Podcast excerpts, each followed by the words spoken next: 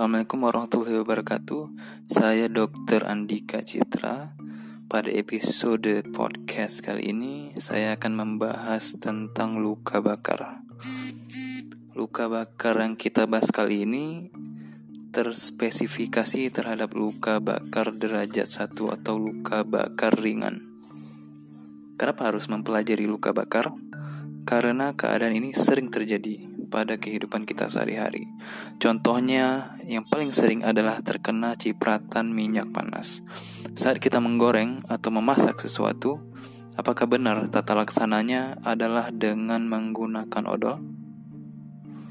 Nah, mari kita pelajari teori yang sebenarnya.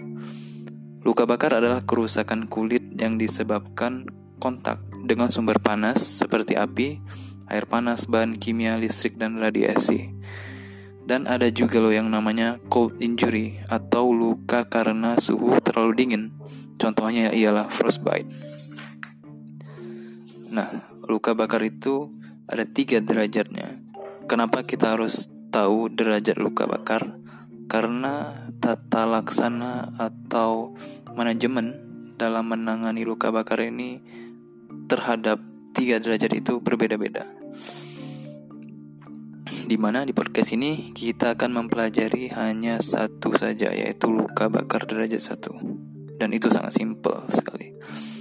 Luka bakar ini dibagi menjadi tiga berdasarkan kedalaman lukanya.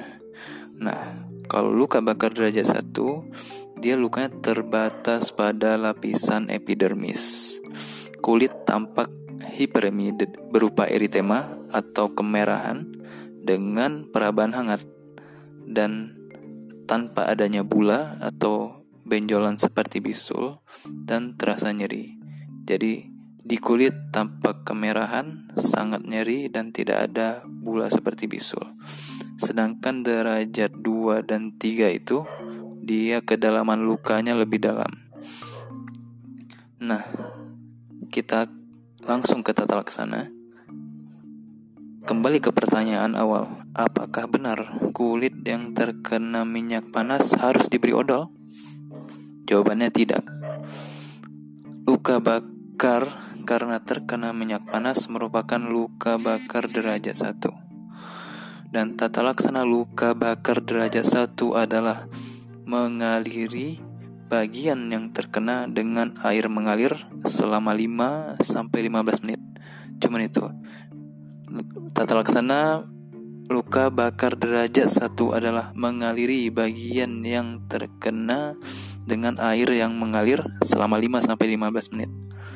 Nah, untuk mencegah proses pembakaran semakin luas itulah kunci dari tata laksana dengan air tersebut untuk mencegah proses pembakaran yang semakin luas. Itu dia tata laksana luka bakar derajat 1 sangat sederhana. Sedangkan luka bakar derajat 2 dan 3 itu kita atau kalian harus langsung ke puskesmas atau rumah sakit atau klinik terdekat karena penanganannya lebih kompleks.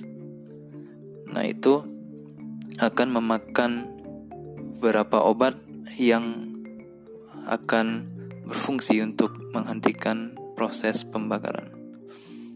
Nah, demikian sampai situ dulu pembelajaran kita kali ini. Terima kasih semoga bermanfaat. Assalamualaikum warahmatullahi wabarakatuh.